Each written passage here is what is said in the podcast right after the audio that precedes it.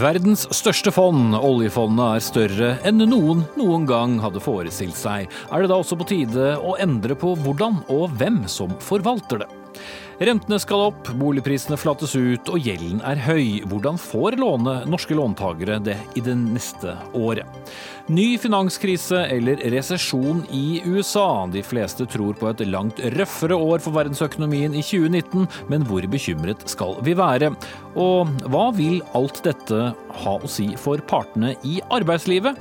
Er det mest fred, fordragelighet og samarbeid som skal prege neste år?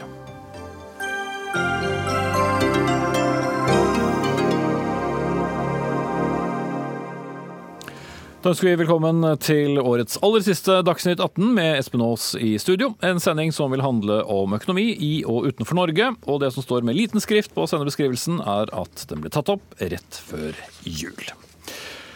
Verdens største fond er stadig vekk norsk, heter Pensjonsfondet utland, oljefondet på folkemunne, og eier 1,4% av alle verdens selskaper. For tiden er fondet på om lag 8,3 000 millioner kroner, eller 8,3 billioner, på 20 år har fondet nesten 50-doblet seg i størrelse. I hele den tiden har fondet blitt drevet mer eller mindre på samme måte. En øh, som tok til orde for at dette kanskje bør endres, er fondets øh, første sjef, Knut M. Kjær, som i en artikkel i Aftenposten rett før jul tok til orde for å flytte fondet ut av Norges Bank og gi fondets styre mer makt enn i dag, også til å bestemme hvor mye som skal investeres i hva. Og Knut øh, Kjær, hva mener du vi vil vinne på skal vi si, slippe fondet fondet mer løs? Det primære for meg er jo ikke det at det eventuelt skal ut av Norges Bank. Det primære er at vi er inne i en veldig turbulent tid i markedene. Og da tenker jeg flere år fram, ikke januar. Eh, belønningen for å gå i aksjer og ta risiko er mye lavere nå enn eh, normalt. Og det gjelder også i obligasjoner nedsiden, altså tapsmuligheten, er eh, veldig stor. Dette er eh, ikke sånn som det pleier å være. Og fordi at eh, vi nå har en omlegging av pengepolitikk i verden fra ti år med ekstremt lave renter. De har drevet opp prisene på nesten alle verdipapirer. Så er vi nå i en veldig, veldig unormal situasjon. Og det jeg tar til orde for, det er at vi må ha noen folk på broen. Nå går dette på autopilot. Og jeg tror vi er i en tid nå hvor det ikke er fornuftig. Mm. Og Når du sier uh, folk på broen, hva mener du da konkret? Jeg mener et styre Det kan være i Norges Bank eller utenfor Norges Bank. Som sagt, det er ikke det primære. Men et styre som har et mandat til å se på mere enn bare kanskje 1% av fondets risiko. Jeg mener ikke 100. Jeg mener at det er veldig viktig med forankringen i Stortinget. Men vi må ha noen mekanismer som gjør at styremedlemmer tenker ja, er dette fortsatt normalt?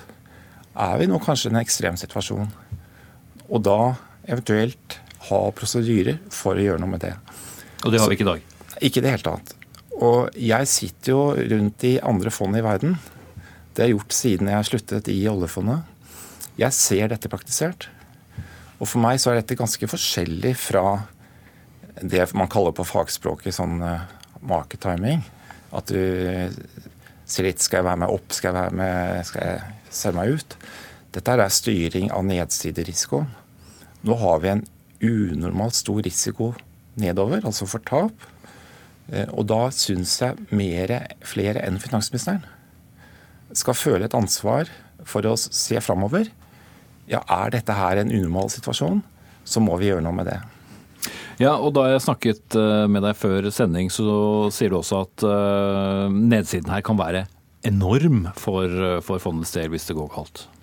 Ja, det er det jo. Og det er jo en bakgrunn her også. Og det er at fondet er mye viktigere nå i statens økonomi for Norge enn sånn som de årene vi begynte å bygge det opp. Og Da kom det jo nye oljeinntekter inn hele tiden.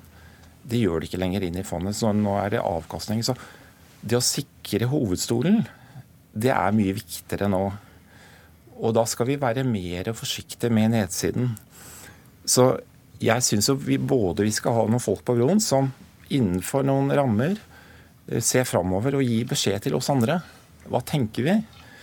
Og så syns jeg at 70% i aksjer, som har valgt å gå til, det syns jeg er for mye gitt den situasjonen med eh, at dette betyr så mye i norsk økonomi og at vi får ikke godt betalt for den risikoen eh, framover. Mm. Og så sier alle at eh, ja, men kjære deg, altså i løpet av de eh, elleve årene du selv ledet fondet, og årene som har gått etterpå, så, så, har det jo gått bra. Det fikk en smell sammen med alt mulig annet i, i 2008 og falt med var det 660 milliarder, men det er hentet inn igjen, og det har vokst. Og så har det, har det ikke vært helt riktig det vi har gjort? Jo, det, altså, det har vært fantastisk bra. Eh, så hele konstruksjonen, eh, modellen, eh, syns jeg har fungert aldeles utmerket. Men nå er det jo en gang slik at Stortinget i løpet av vinteren skal behandle organiseringen. Det ene gjelder jo selve loven om sentralbanken. Det andre gjelder organiseringen av forvaltningen. Dette er mulighet til å stoppe opp. Har vi nå det absolutt riktige systemet? Og det tror ikke jeg eh, at vi eh, har. Og så vil jeg si en ting til. Nå er prisene i verdipapirmarkedene pga. ti år ekstrem pengepolitikk drevet opp mye lenger enn de var før finanskrisen. Så det er ikke bare det at oljefondet er mye viktigere nå, og det kommer ikke nye oljepenger inn.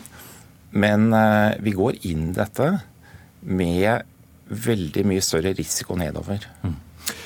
Statssekretær Marianne Eikvåg Groth fra Høyre, du er statssekretær i, i Finansdepartementet. Er uh, Knut Kjær med hans erfaring en, en, mann å lytte til? Ja, jeg mener man skal, til, uh, man skal lytte til kloke folk. Knut Kjær har lang erfaring med dette fondet, så det er interessant selvfølgelig å høre både hans synspunkter og andre menneskers synspunkter på fondet. Jeg tenker at det det viktigste her er jo at oljefondet er et veldig spesielt fond. Det er ikke bare verdens største statlige fond, men det er også det norske folks sparepenger. Eh, det er et fond som vi eier alle sammen, både vi som lever i Norge nå og de som skal leve her etter oss. Og Derfor er det Stortinget på vegne av oss alle sammen som skal forvalte det fondet, som har ansvar for det, og som skal sørge for det, hvordan det ivaretas. Og Derfor så forankres alle viktige endringer i fondets strategi forankres i Stortinget. Det, det tenker jeg er ekstremt viktig for fondets legitimitet. Så vi som lever i Norge, vi skal føle oss sikre både på at våre folkevalgte har kontroll på dette fondet, selvfølgelig, på at det forvaltes på en god måte, og på at det forvaltes i tråd med de verdiene vi er opptatt av. At vi kan være uh, trygge på den måten det gjøres. Men det betyr også at Stortinget kan, kan vedta og si at uh, ut fra de uh, tingene vi nå tror om de nærmeste årene i det internasjonale aksje- og obligasjonsmarkedet, så er det tryggere for oss å overlate det ansvaret til noen andre. Så man kan jo gjøre det òg. Det kan man selvfølgelig, men jeg mener jo at altså, bl.a. erfaringene fra finanskrisen i 2008 viste jo nettopp at det var et stort behov. Så det er veldig viktig å forankre nettopp viljen til å ta risiko. Hvor stor risiko er vi villige til å ta? Den må forankres hos de folkevalgte. Det er jo sånn Hvis du skal spare penger for å, for å, få god avkastning på de pengene, så er du nødt til å ta risiko. Hvis du ikke tar noen risiko, så kan du heller ikke forvente noen gevinst. Tar du for mye risiko, så har du også en stor sjanse for å tape penger. Spørsmålet er hvor langt er vi villige til å gå? Hvilken risiko er vi villige til å ta? Hvilken avkastning eh, er vi på en måte villige til å si at dette er, dette er godt nok for oss, vi vil ikke ta sjansen. Vi vil ikke satse mer. Den avveiningen den har utrolig stor betydning for fondet, og vi må tenke veldig langsiktig. Den avveiningen gjøres i Stortinget i dag, og det mener jeg er riktig. Det de er kvalifisert nok til å ta det avgjørelsen? Det er våre folkevalgte som styrer fondet og styrer, legger, lager lovene i dette landet på vegne av oss alle sammen. Det vil helt sikkert finnes eksperter som mener at de er flinkere til dette enn stortingsrepresentantene. Men jeg tenker at det er, dette fondet styres på vegne av oss alle, alle vi som bor i Norge. Dette er, en, dette er et ans, politisk ansvar som vi ikke bør delegere vekk. Og så tenker jeg også at det er litt eh, det blir litt lettvint hvis du går inn og leser merknadene fra Stortingets behandling, f.eks. da man utvidet til 70% aksjer. Så er ikke det noen lettvint avgjørelse. Det er veldig grundig drøftet i merknadene. Dette har vært en debatt og en diskusjon i Stortinget. Det er ikke noe man tar lett på. Så dette er et politisk ansvar som veier ganske tungt, tungt på norske politikere, og som jeg tenker at um, ja, det er en viktig forankring. Dette er noe Dette er noe de folkevalgte skal ha kontroll på. Mm. Men tar de nok ansvar, Kjær? Jeg mener jo at dette har fungert veldig bra. Denne forankringen i Stortinget er, som sies, utrolig viktig. Men hva er det man forankrer? 70% i aksjer. Det gir ikke uttrykk det for risikoen i forvaltningen. Altså 70% i aksjer i normale markeder er mye lavere risiko enn 70 i dag. Det tror jeg ikke Stortinget er godt informert om. Og jeg tror vi trenger noen mekanismer som gjør at også Stortinget får informasjon om at risikoen faktisk er varierende over tid. Og nå kan det være Jeg sier ikke at det er det, men det kan være en ekstrem situasjon. Det andre som, er, det andre som jeg syns er veldig rart i dette med betydningen av informasjon til Stortinget og deres forankring, det er at eh, det sies veldig mye om resultatene i Norges Banks forvaltning, men det er bare 1 av risikoen som tas. Det kan hende at det er riktig, men vi får ingen informasjon fra Finansdepartementet til Stortinget, som jeg mener er viktig for legitimitet, som går på hvordan gjør dette fondet det i forhold til markedet generelt og i forhold til andre fond. Mm. Man gjør, unnskyld, eh, man gjør valg i Finansdepartementet hele tiden.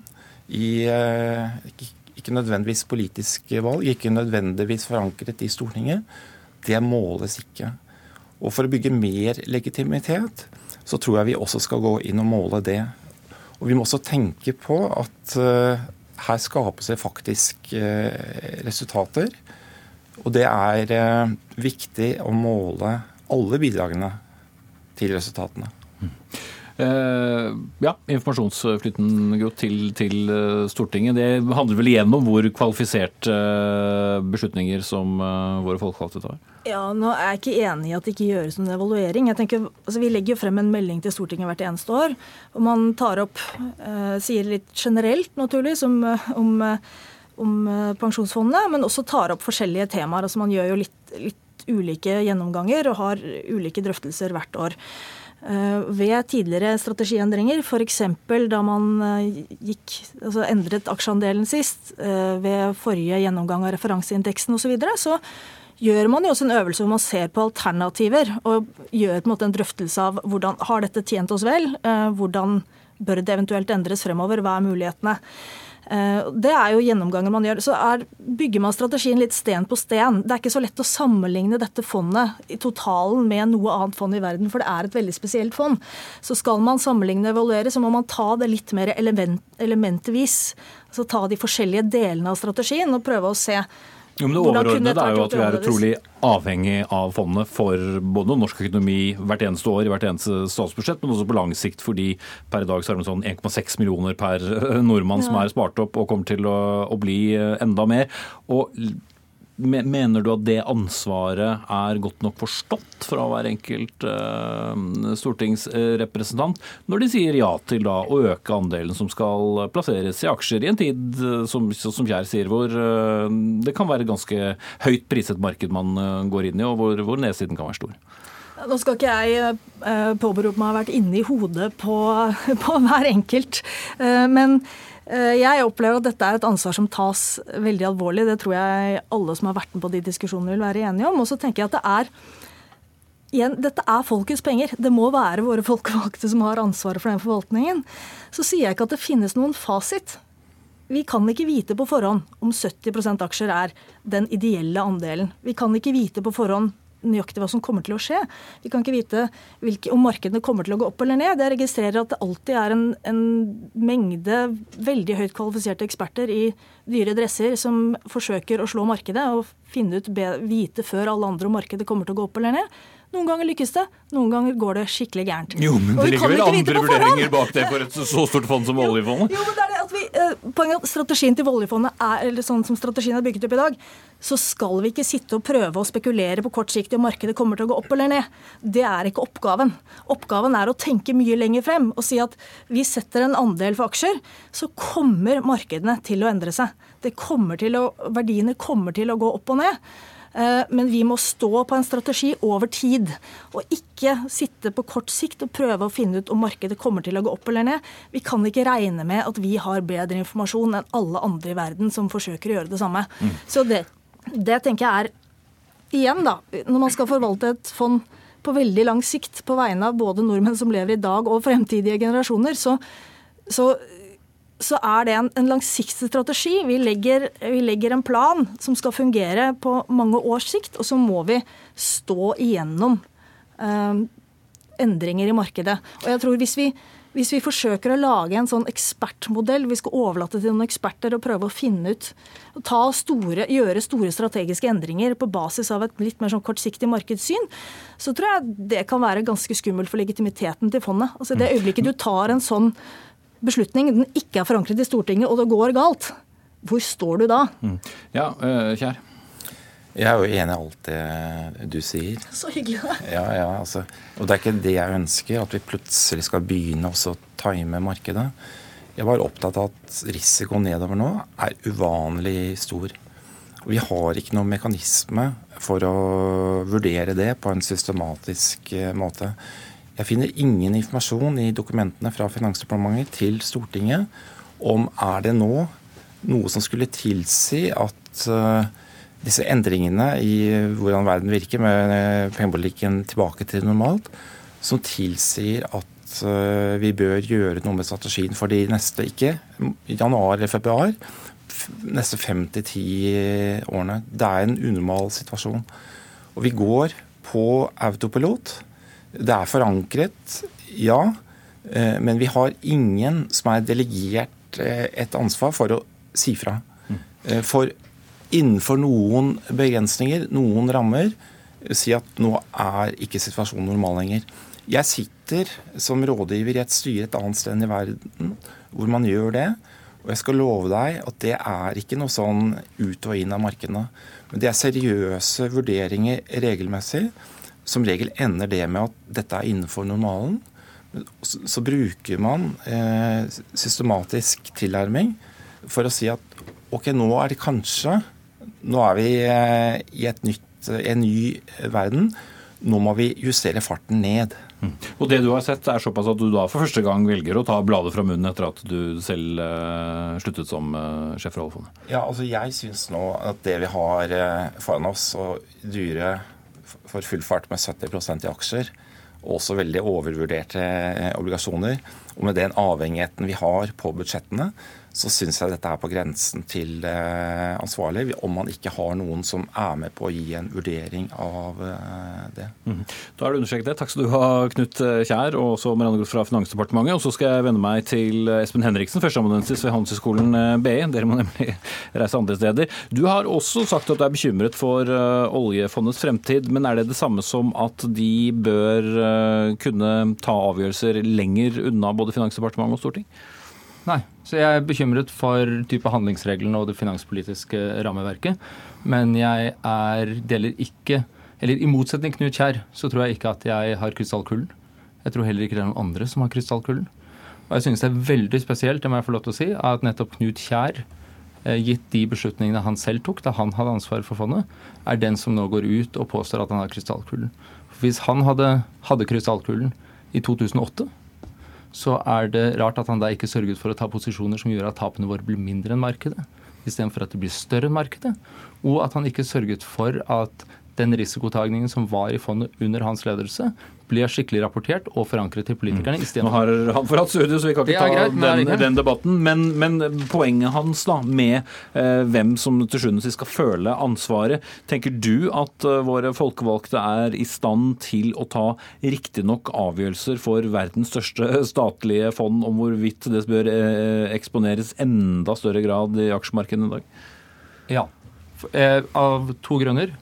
For det første så er det erfaringen vi har fra finanskrisen, som viste at den risikoen som var forankret i Stortinget, altså markedsrisikoen, den så politikerne ut til å ha si, stor aksept for. Det som, ble, som var mye, mye mindre størrelsesmessig, men som de da reagerte kraftig på, var det tapet som skyldtes de eh, spekulative veddemålene som Norges Bank hadde foretatt under Knut Kjærs ledelse. Det er det ene. Det andre er at jeg tror at Eh, det at man da forstår risikoen, og forstår da samspillet mellom den risikoen man tar og slik som handlingsregelen og den bruken man har av handlingsregelen, er helt, helt nødvendig for modellens suksess og ja, robusthet. Mm. Men sier du da at uh, man bør bare fortsette som man gjør i dag? Det, jeg tror det er veldig veldig mange gode spørsmål. Men det er ikke å ha gamle, såkalt gamle menn på broen. Altså Jeg tror at man har utrolig kompetente mennesker i Norges Bank i dag. Man har veldig flinke folk i Finansdepartementet. Man har en kraftig opinion. Og jeg tror at ja, slik som vurderingen av aksjeandelen Jeg var med og anbefalte at den var til 70, men det var underforstått at man ville gjøre noe med det finanspolitiske rammeverket, altså handlingsregelen. Det har man ikke gjort. Det tror jeg vi virkelig bør gjøre. Vi bør se på sammensetningen av Ja, men Gjøre hva da? Altså endre prosenten på nytt, eller? Det som er problemet, er at vi, vi, det er en sånn veldig Hva skal jeg si hva skal jeg si, kontrast mellom at vi har sparer i aksjer som veld, endrer seg veldig mye fra tid til tid. De gjerne går med konjunktursyklene. Mm. Men så ønsker vi da å ha veldig stabilt bruk over statsbudsjettet, som i tillegg gjerne er slik at vi ønsker å bruke mer i lavkonjunktur og mindre, relativt mindre i høykonjunktur. Mm. Ja, det, så dette ja. går, det går bare ikke opp. Og dette gikk veldig fint da fondet var lite og vi hadde store oljeinntekter. Ha, slik er ikke situasjonen i dag, så da må vi tenke på hvordan er det vi kan forene da risikodagen i finansielle markeder med stabil bruk over statsbudsjettet og fremdeles beholde den politiske koordineringen som handlingsregelen er. Mm. Camilla Bekken Øvald, samfunnsøkonom eh, og høyskolelektor ved Høgskolen Kristiania, også forfatter av boken 'Drømmefondet hvordan Norge ble finansbransjens George Clooney' og veien videre for eh, oljefondet. Står vi ved et slags veiskille når det gjelder hva vi skal bruke oljefondet til? Ja, I hvert fall når det gjelder forvaltningen av, eh, av, oljefondet. Og jeg er jo ikke helt enig i beskrivelsen av at Knut Kjær påstår at han har noe fasit. Jeg mener tvert imot at han sier at her er det risiko, altså usikkerhet, som vi ikke kjenner til, og som vi kanskje diskuterer altfor lite. Fordi um, jeg mener at vi bør, uh, oljefondet bør være, fortsatt ligge under Norges Bank. Men dette med å ha et styre som kan settes sammen på en litt annen måte, som Kjær peker på, det er ikke nødvendigvis en dum idé. Og heller ikke at det åpnes noe mer for å vite hva er egentlig vurderingene som gjøres eh, fra Finansdepartementets side. For når det gjelder risiko, så handler det jo egentlig mest om hvordan definerer vi risiko.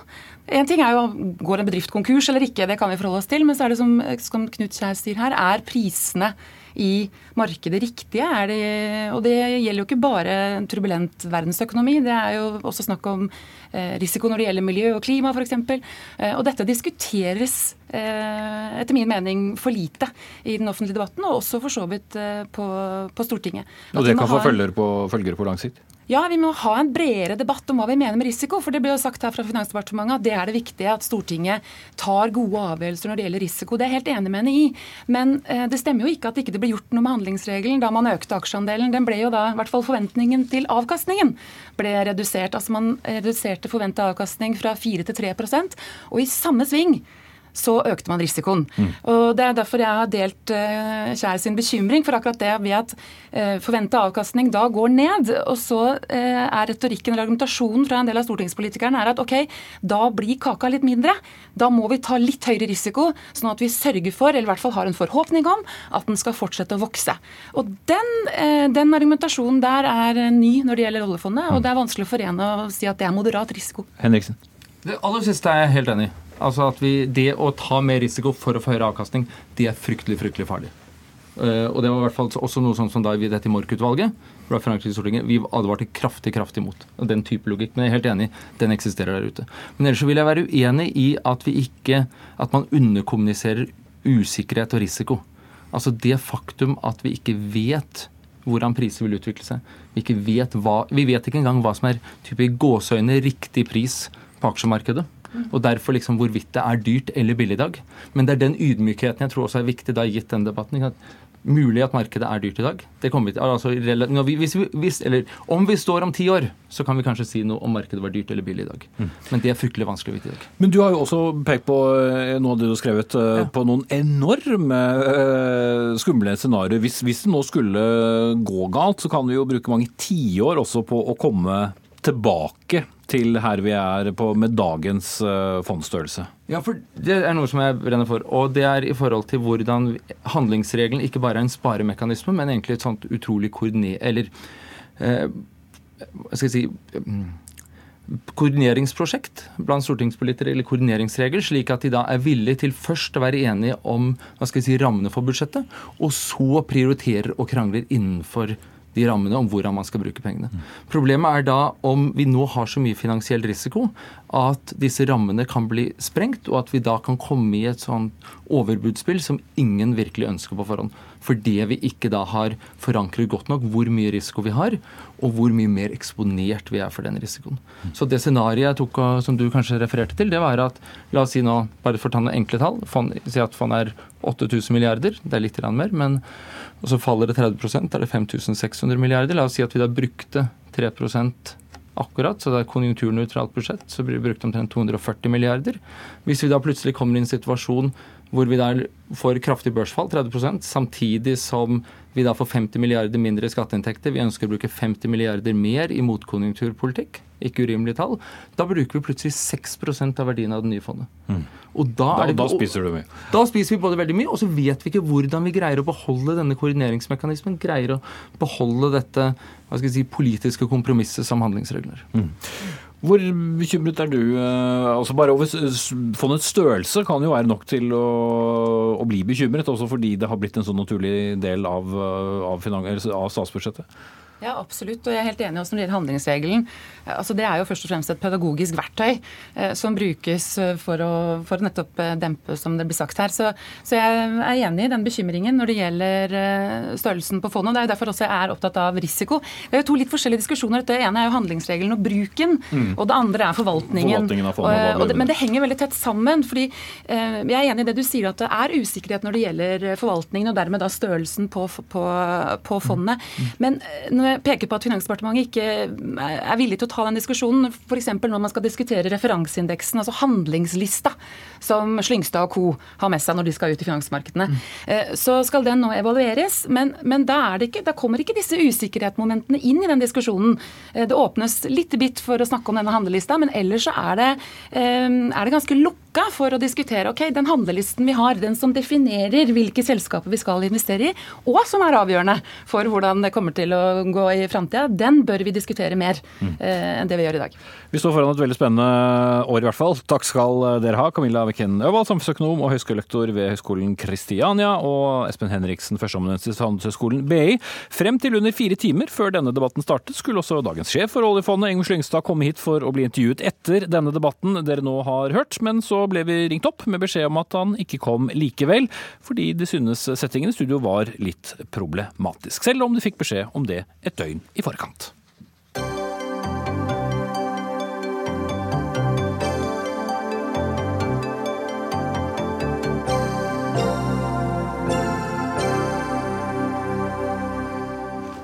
I eh, september 2018 opplevde 300 000 boligeiere noe de hadde veldig lite eller ingen erfaring med før, nemlig det å få en renteøkning. For for første gang på sju år satte Norges Bank opp styringsrenten, og sentralbanksjef Øystein Olsen har varslet at nordmenn må belage seg på at eh, den vil fortsette å stige gjennom 2019. Allerede i mars eh, får vi trolig neste rentehopp, og det kan bli altså totalt tre eller fire av dem gjennom 2019. Og Cecilie Lange Becker, økonomikommentator her i NRK. De som aldri har opplevd denne renteøkningen, eh, hvordan vil det være for dem å kanskje få et prosentpoeng eh, høyere rente i løpet av det nærmeste året? Det er gjort en del undersøkelser på at det er, det er, det er faktisk veldig mange av oss som ikke tåler et renteopp på ett prosentpoeng. Og ett prosentpoeng det er jo fire rentehevinger. Og som jeg bare arresterte deg litt, for du sa tre-fire rentehevinger i 2019. Det er vel kanskje ikke så sannsynlig. Det er vel tre-fire rentehevinger da frem mot 2021, bare sånn for at vi, vi får med oss det. Men, eh, men, det er jo på en måte det vi ser for oss, at det kommer omtrent til sammen ett prosentpoeng. Og at det er jo litt skremmende å høre at eh, det er såpass mange av oss som ikke tåler det. Og det henger jo sammen sammen med at eh, det er en fryktelig høy eh, gjeldsvekst eh, her til lands. Høyere enn inntektsveksten. Så det, dette er jo noe Norges Bank også bekymrer seg for. Mm. Mario Gamre, du er seniorøkonom i Ny Analyse og doktorgradsstipendiat ved NMU, hvor du skriver om boligmarkedet. Hvem er det som kommer til å merke disse renteøkningene hardest? Vi har jo fått veldig høy gjeld, men gjelden er jo også veldig ulikt fordelt i befolkningen. Eh, så den aller høyeste gjelden den finner vi i Oslo-området eh, og i byene. Og så er det spesielt unge i 30-årene, eh, til en viss grad også 20- og 40-årene, som har den høyeste gjelden. Mm. Så de kommer til å merke en renteøkning godt. Mm. Og som Langebekk var inne på, vi har en ganske høy belåning og høy gjeld. Kristian Poppe, du er forsker ved forbruksforskningsinstituttet SIFO ved Storbyuniversitetet Oslo MET. Gjelden til nordmenn har eh, økt med 1259 milliarder kroner til 3602 milliarder kroner siden 2011. Er det å ha et sunt forhold til gjeld? Ja, Da vil ikke jeg sitte her og moralisere over, over, eh, norske hushold, men det er klart at vi har en høy gjeldsvekst, og vi har utviklet en kultur for å lånefinansiere både bolig og forbruk. Og det er historisk nytt. Eh, det ble jo sluppet løs i 80-årene, og siden da så tror jeg vi kan si at vi har hatt en utvikling fra en fra en, eh, en um, lånebasert velferd uh, Nei, en, fra en investeringsbasert velferd til en lånebasert velferd, hvor vi altså låner til stadig flere, flere formål. Og da også med uh, sikring i bolig. Mm. Uh, og med en gang det koster såpass mye mer å betale på boliglånet at den stopper opp den ekstra belåningen, så kan det kanskje være bra for gjelden. Men så får det plutselig da konsekvenser eh, for pengebruken vår og, og veksten eh, i forbruket. Cecilie Langebekker, da får det plutselig enda flere følger. Ja, og det er jo litt sånn, Vi, vi har bare sett hvordan, eh, hvordan strømprisene, sant, som har vært kjempehøye denne høsten, har slått inn på eller i hvert fall det vi antar at det har slått inn på forbruket. Vi ser at, eh, at f.eks. varehandelen sliter jo, fordi man har mindre å rutte med. Og Det er jo fryktelig lenge siden sist vi har hatt, eh, har hatt, gjelds, eh, nei, har hatt renteøkning. Så vi vet ikke helt hvordan det kommer til å slå ut til neste år. Så alt i alt så blir det Det er ganske mye usikkerhet rundt, rundt hvordan året kommer til å bli, og spesielt når vi da får økte strømpriser på toppen av det hele, så er det Og de er varslet at det skal være høye lenge? Ja, i hvert fall hele denne vinteren her så kommer vi til å ha høye strømpriser. Det gir oss mindre å rutte med. Så det får jo ringvirkninger inn i norsk økonomi. Mm. Eh, Mamre, er det noe som kan hjelpe oss igjennom det å plutselig få uh, dette lille rentesjokket? Altså, for all del, det er jo ikke enormt, og det kommer stykkevis og delt, men det vil jo unektelig gjøre Eller ha sine konsekvenser på, på lommeboken til folk. Jeg tror, eh, jeg tror, det er viktig når vi ser på både renter og, størrelsen på gjelden, å også huske at eh, det er nok en del grunner til at vi tåler, eh, også tåler litt høyere gjeld i Norge. Som ofte ikke kommer fram i enkle rangeringer og indikatorer av gjeldinntekt, prisinntekt osv. Som stabile banker, tillit. Folk stoler på hverandre. Bankene stoler på at folk skal betale tilbake pengene sine. Men uh, når alarmen skriker så høyt, og som har gjort en god stund, uh, og, vi ligger så høyt relativt til sammenlignbare land og relativt til egen historikk, så er det grunn til også å, å, følge med ekstra godt. Og jeg tror at Får vi to rentehevinger i 2019 og så uh, mulige utsettelser i 2020 pga. at det kanskje ikke går så godt med norsk og internasjonal økonomi som man har trodd, uh, det tror jeg er et realistisk scenario, så uh, burde ikke det bite så veldig hardt for de aller, aller fleste. Mm. Og så kan vi jo dra skrekkscenarioet litt lenger, for nå har vi sett eh, nå før jul så er det store kjeder som har kjørt så mye tilbud for å få folk til å handle, for de ser at de handler mindre, at de heller ikke klarer å holde det gående. Og da Poppe, så kan vi vel ha en ganske skummel eh, spiral, for det er jo ikke noen annen måte egentlig å få opp eh, folks handling på. Nei, altså, altså, norsk økonomi er jo som det ble sagt her ganske avhengig av at det pumpes inn lånte penger i forbruket. Det er helt klart arbeidsplasser, og norsk økonomi er avhengig av det. Og, og, men, men, eh, det er vel kanskje uh, ting som tyder på her at det er vanskelig for husholdene eller mange grupper å holde kontroll. Det er et kjøpepress her, og en, en, en, sterk drive i retning av å bruke både låneprodukter og nye betalingsformer og alt det der. Og, og, i tillegg så er det en sosial aksept for å bruke lånte penger til ganske mye rart. Og, og, det vi ser i våre data, er jo at det er vel en ca. 9% som vi anser å eh, bo i hushold med utrygg økonomi. 9% 9% gjør det. Vi snakker vel om kanskje innimot, hvis du tar med barn og ektefeller og alt i disse husholdene, så snakker vi om en halv million mennesker som faktisk lever under, under det vi kaller utrygg økonomi. og Det betyr at noen, 3% er veldig utsatt, og 6 eh, klarer seg akkurat, men har ingenting å gå på i form av sparepenger og sånn. Og de sliter, veldig mange av dem, med tilbakevendende betalingsproblemer. Ingen buffer. Inntektsnedgang, faktisk, ser vi også som en del av det som kjennetegner disse gruppene. Mm. Og hva kan konsekvensene der da bli, hvis de allerede lever på en slags grense og de da skal få enda mindre rutte med? En ting er at boliglån kan øh, øke som den gjør, men forbrukslån kan jo fort øke mye mer? Ja, da, jeg tror at forbrukslån kommer til å øke. Og, og eh, En av grunnene til det er jo at vi får et, et gjeldsregister som øker presisjonen eh, i lånevurderingene, og som da får rentene ned antageligvis på de, eller på de forbrukslånene. De ligger veldig høyt. Men uh, i den prosessen så kan vi også vente oss faktisk at altså det er en, en, en liten andel, forhåpentligvis, av hushold som klarer seg akkurat for øyeblikket fordi at de hele tiden kan refinansiere. Og med et gjeldsregister så vil den gruppen miste den anledningen. Og da er det spørsmål hva gjør de?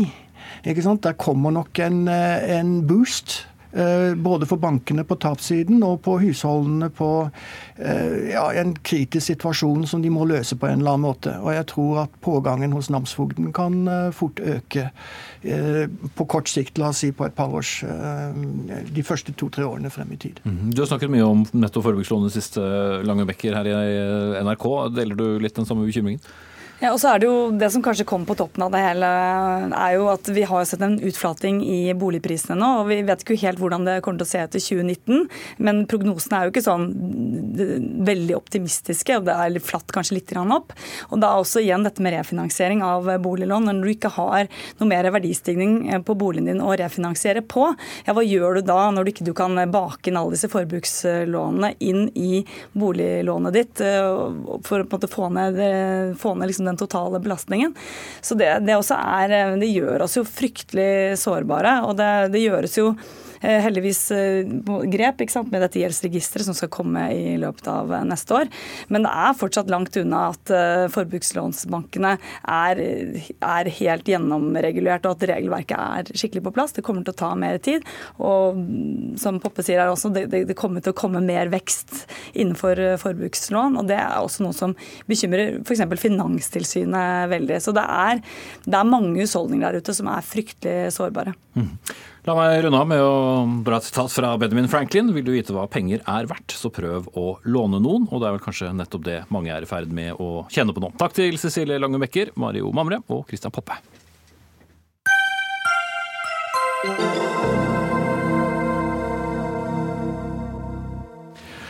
Året vi er i ferd med å legge bak oss, eh, markerte eh, altså ti år siden finanskrisen, eller gjeldskrisen om du vil. Og i år har det spredt seg en aldri så liten eh, angst om at noe mer skal komme. Noen eksakt spådom er, om fremtiden er som kjent ikke opp til noen å kunne foreta eksakt, men børsene har stupt de siste månedene. Statsgjelden er høy i mange land, rentene er på vei opp, og den globale veksten avtar. Godt nyttår der altså. og om tre måneder så skal brexit eh, være et faktum, og det er høyst usikkert hva som skjer med den bebudede handelskrigen mellom Kina og USA. Pål Ringholm, analysesjef i Sparebank1 Markets, eh, hva er du mest urolig for? Ja, Nå driver jeg og spår om hvordan det går med markedene. og eh, Egentlig har vært urolig siden egentlig, til november i fjor, fordi at da vi gikk inn til året som var nå, etter et fantastisk år i markedene i fjor, da, så var markedet, så prisinga som vi var opptatt av, var, var, veldig dyrt. Så Vi gikk inn i et marked der aksjemarkedene globalt sett var på veldig høye nivåer. Ikke så mye i Norge. Men så har det da utspilt seg mye i løpet av året. og Kort fortalt så begynte det her året med at det var en en unison enighet om at det var en synkronoppgangsperiode i verden. Vi går ut av året med at en enighet om at det er en synkronpotensiell nedgangsperiode. Og så er det et sett av faktorer her, men jeg vil besti i forhold til tiårsjubileet, pluss noen måneder for finanskrisen. Vi skal ikke på dit igjen, da. Men vi skal på et sted der det er det verden aldri har hatt mer gjeld. Eh, og der sentralbankene har brukt opp de fleste virkemidlene, så også neste nedtur vil, vil merkes når den kommer, også her, på, her hjemme i Norge. Mm. Olav Skjenn, du er eh, porteføljeforvalter i Storbrann kapitalforvaltning. Eh, deler du Ringholms nervøsitet for 2019? Jeg deler hans retning om at det blir verre enn det vi har sett i 2018. Fordi 2018 var egentlig eksepsjonelt Nell, i forhold til det var en synkronisert oppgang trigget av bl.a. skattekuttene til eh, Trump som vi fikk i fjor på den tiden her, som virkelig fyrte den amerikanske økonomien. Og så har vi også sett at sentralbanken sentralbankene selv om noen har begynt å normalisere renten, egentlig holdt rentenivået lavt, spesielt da i Europa. Så så jeg er enig i retningen, eh, men om vi i 2019 vil oppleve det vi kaller si resesjon, eller en kraftig oppgang i arbeidsledighet, det ser foreløpig litt tidlig ut. fordi det er fortsatt noe effekter fra finanspolitikken i USA som stimulerer, men ikke like, like mye som i 2018. Men for igjen, da. Jeg, deler det i forhold til det er tiårsjubileum. Eh, for hvert år som det går uten at ting eh, butter imot, så øker egentlig sannsynligheten i mitt hode for en hva skal jeg si, stagnasjon. Eh, så, sånn sett så er jeg enig. Eh, så det er jo litt nyanser og litt timing her som er da i, forskjellig fra mitt syn i forhold til Pål. Mm. Men vi ser et veldig urolig marked, altså, og kanskje lenger enn det mange hadde trodd. Investorer er ofte nervøse på slutten av året når høstmørket setter inn, eh, men de har liksom fortsatt. Ja, men jeg synes i desember så syns jeg nesten det begynner å bli litt hva skal vi si, det vi kaller kapitalasjon, og at det vi kaller stemningelige sentimenter tar overhånd. At alt blir tolket negativt. Fordi finansmarkedene, og spesielt aksjemarkedet, har jo en tendens til det. At man eh, på oppsiden også tolker alt for positivt og euforisk, men på, mens på nedsiden også tolker ting veldig eh, negativt. For det, det, vi ser, er at eh, markedet ikke tar til seg egentlig det man skulle tro er gode eh, nyheter. Du nevnte handelskrig. Jeg vil si det har vært bevegelse i, i hvert fall riktig retning, selv om det er fortsatt mye usikkerhet. Vi er ikke lenger i en situasjon hvor vi så for seks til ni måneder siden hvor stadig eskalering måned etter måned. Nå har vi faktisk sett en viss hva skal jeg si, konsolidering og samtale. Det er det ene.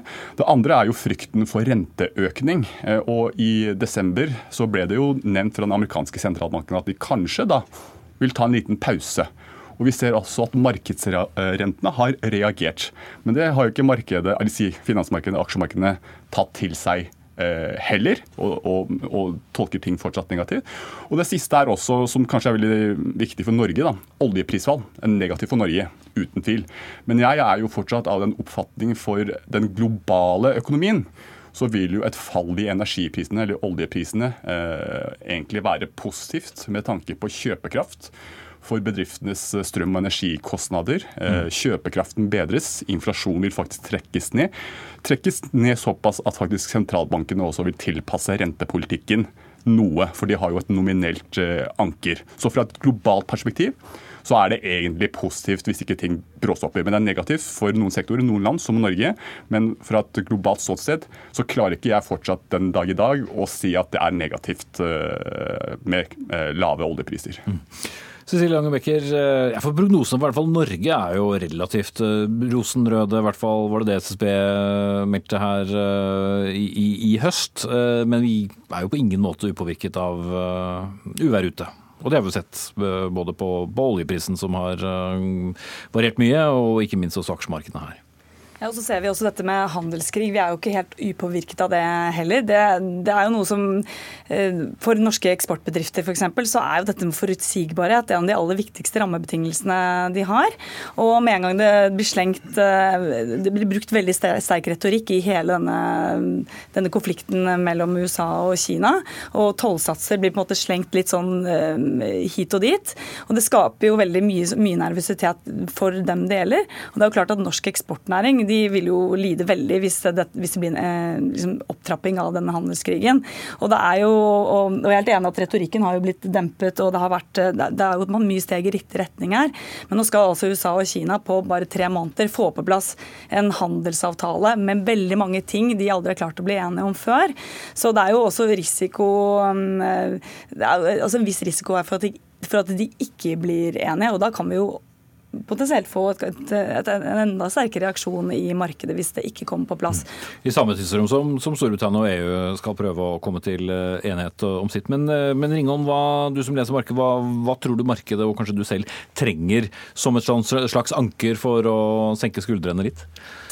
det som bruker å være et typisk forløp, det er det at du er på lang, en lang oppgangsperiode. Så nesten på slutten da, så, så er det akkurat der du er nå, der du, du tror alt er over. Og så, etter alle har kapitulert, da, så kommer det nyheter på at ikke alt er over allikevel. og så får du en siste oppgangsperiode, suckers som vi kaller det så vakkert. Og det er da man skal selge seg ut, for da kommer nedgangsperioden et halvt år, ett år etterpå. Det, det, det, eh, det er det forløpet jeg tror kommer til å skje, mest sannsynlig. Eh, hva som skal til? Jo, altså, ta deg med handelsavtalen. Eh, det, trenger jo ikke Det er umulig, som du sier? Å, å, å, få en helhetlig avtale på 90 dager er jo ikke mulig. Men du kan få noe som ligner på en avtale innenfor visse områder, som gjør at Trump som kan erklære det her som en seier. Han har jo tross alt som mål å 'keep America great'. Og han trenger det da for egen uh, approval ratings skyld. Ikke sånn. Uh, ja, Shen, hva mener du kunne vært uh, beroligende å se? Uh, en ting er denne avtalen, men hun trenger kanskje mer? Ja, jeg... Amerikansk politikk er jo ganske uforutsigbart om dagen. Ja, Det ene er på en måte bevegelse i riktig retning på, i handelskrigen. Men jeg tror det markedet også ser etter, er en uh, i hvert fall forventet uh, stabilisering i makrobildet. da, Pilene peker nedover, ikke på det kollaps eller stagnasjon. men Eh, frykten er jo, eller eh, Usikkerheten er jo de vet ikke hvor langt det skal. Men hvis du bare ser f.eks. stabilisering kanskje i Europa, som har vært drevet av en del eh, enkelttilfeller som i bilindustrien og andre forhold, uro i fremvoksende økonomier, som bare du ser en viss stabilisering på at aktivitetstallene ikke faller like mye som de har gjort nå, tror jeg er godt nytt. Og det andre er jo, som jeg nevnte, som det har blitt indikert denne måten her, Eh, at eh, den amerikanske sentralbanken eh, ikke har dårlig tid da, med å normalisere renten. For det liksom, USA er det viktigste markedet, være seg aksjemarkedet, økonomien eller rentemarkedet. Så hva den amerikanske sentralbanken gjør av rentenormalisering, tror jeg er alfa og omega. Nå har de på en måte gitt lillefingeren lite grann. Det er ikke sånn at sentralbanken skal bli diktert av finansmarkedene. Men de må nok Eh, høre litt på symptomene som eh, finansmarkedene prøver å gi. Da. Men problemet er, som også Pål har vært innom, er at vi har vært i en periode nå med billige penger, lave renter. Eh, jeg vil si at sentralbanken egentlig har gitt for mye si sukker eller dop da, til finansmarkedene egentlig unødvendig, slik at man man har vendt seg til billige penger, lave renter. Og så har man prøvd å ta vekk den stimulien noe. Så må jo på en måte finansmarkedene klare seg uten den hjelpen hele tida. Fordi Hvis dere ser på rentenivåene i dag, så er det jo fortsatt i historisk sammenheng fortsatt kjempelavt. Mm. På samme vis som i Norge og norske husholdninger, eh, så tilpasser jo aktøren seg til det lave rentenivået. Men det betyr, betyr, ikke at man bør normalisere det allikevel. Så Det er den balansegangen der som er kjempe, kjempeviktig. Da. og Der tror jeg faktisk den amerikanske sentralbanken, som på en måte er ledestjernen for si, verdensrentene, er veldig viktig. Og vi har sett at uh, de hensyntar den, de urolighetene vi har sett uh, i finansmarkedet i det siste. Mm. Så kort til slutt, eh, Cecilie Langebekker. Det handler litt om å se hvor lang bakrusen måtte bli fra, fra alt dette dopet som, som Skien snakket om? Ja, og det er jo det, og det, komme, det at markedene skal, og, og, økonomien kan klare og disse rentehevingene, at, man, at, den, at, den, tåler på en måte å komme tilbake til en normalisering, det er jo kjempeviktig. fordi verktøykassen den er jo nå tom. Hvis det virkelig kommer en, en, en, ordentlig ny smell nå, så har man ikke så veldig mye mer å spille på. Så det er jo, som Chen sier, det er viktig at sentralbanken nå fortsetter de signalene om at nå, nå kommer det én til to rentehevinger til. Så tar vi en pause, så ser vi på en måte dataene som kommer inn, og analyserer de. og se på hva markedet tåler. Så det er jo, mm, det er jo, det er jo viktig at, man, at, den også er lydhør, og den skal ikke la seg diktere av verken markedet eller av Trump, som også har forsøkt å diktere den amerikanske sentralbanken. Så det blir jo veldig viktig å følge med på om hvor, hvor mange rentehevinger tåler vi, og hvor mye normalisering tåler eh, både økonomien og markedene. Mm. Eneste sikkert er vel at eh, noen vinner på at eh, noen taper, og omvendt. Takk skal dere ha alle tre. Pål Ringholm fra Sparebank1, Olav Skjenn fra Storbrann og vår egen Cecilie Langebekker.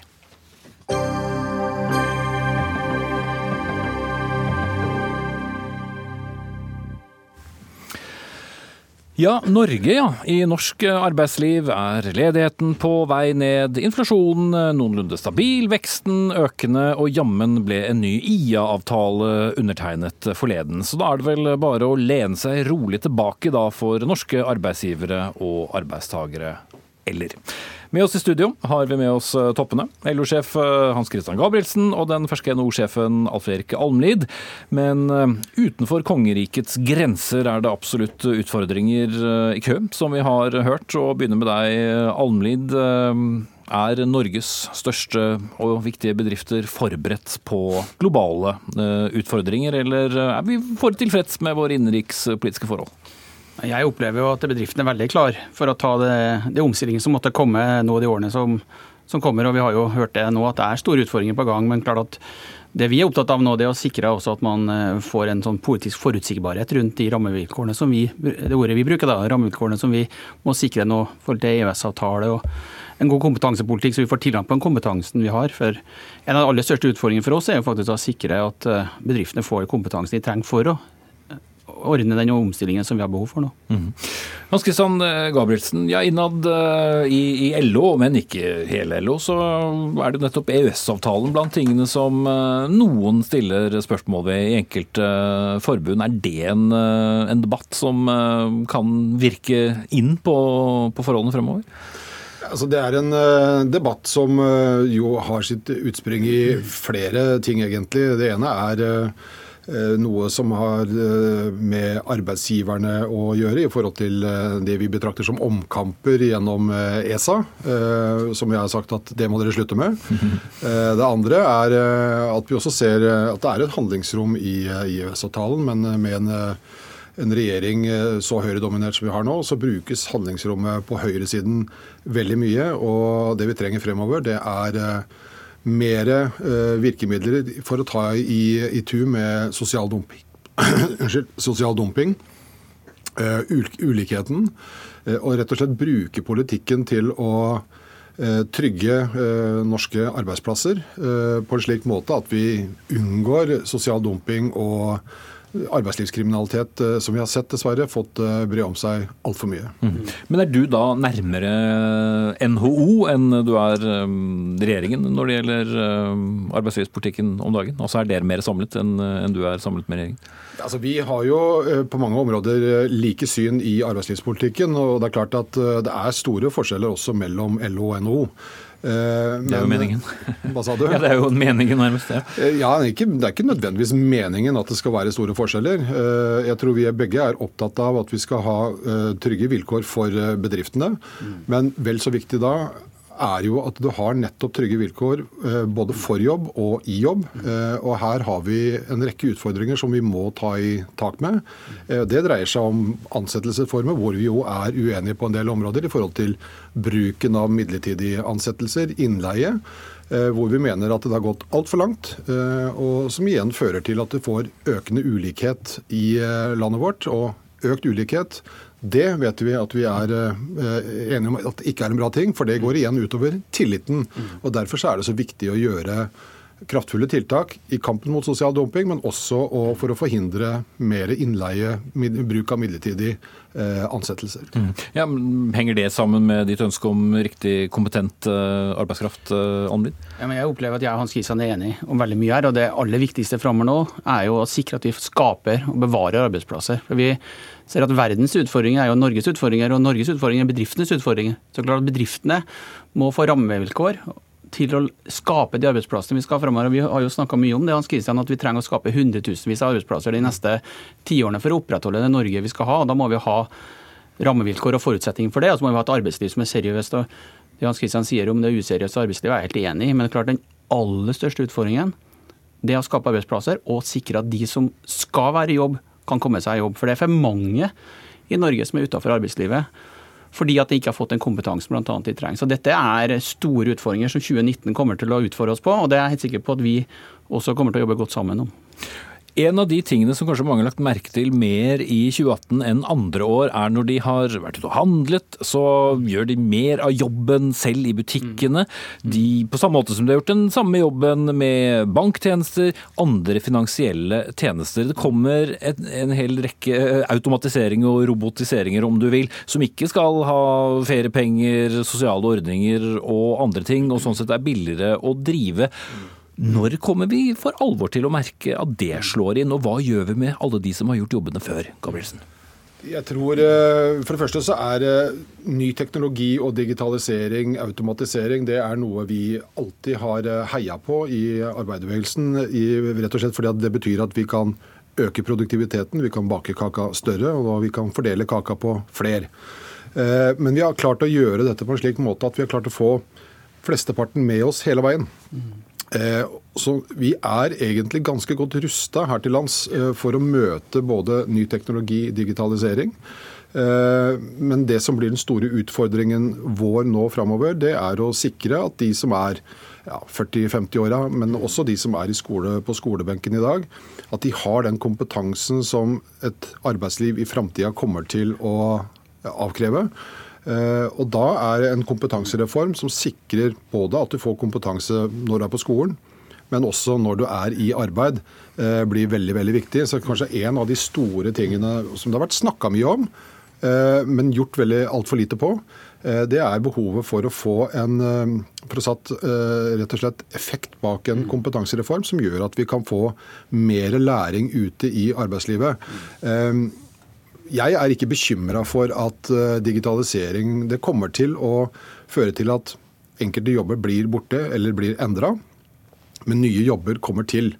Utfordringen vår, og det vi må jobbe sammen om, sammen med myndighetene, det er å sikre at eh, de som blir berørt, har den kompetansen som skal til, og har også en troverdig eh, vei som, som, anvises for at de faktisk skal ha muligheter til å eh, lykkes. Eh, men jeg tenker som så at Norge er veldig godt eh, rusta for å møte det. Eh, fordi vi har en så lang erfaring og allerede er så langt framme teknologisk. Mm. Men Er bedrifter forberedt på det? da? Om man skal plutselig skal etterutdanne noen som allerede er i en jobb, fordi at de kanskje ikke skal ha den samme jobben om ti år? Vi er i Norge veldig godt forberedt på dette, og vi er godt forspent til å håndtere dette. Vi er et land som implementerer teknologi mye raskere enn mange andre. Vi har et næringsliv som er omstillingsdyktig. og Hans Kristian snakka om det med tillit. Og Tillit er en forutsetning for å lykkes i omstillingen. og Tillit betyr bl.a. at arbeidstakere og arbeidsgivere tror, tror godt om de tiltakene man har satt i gang i.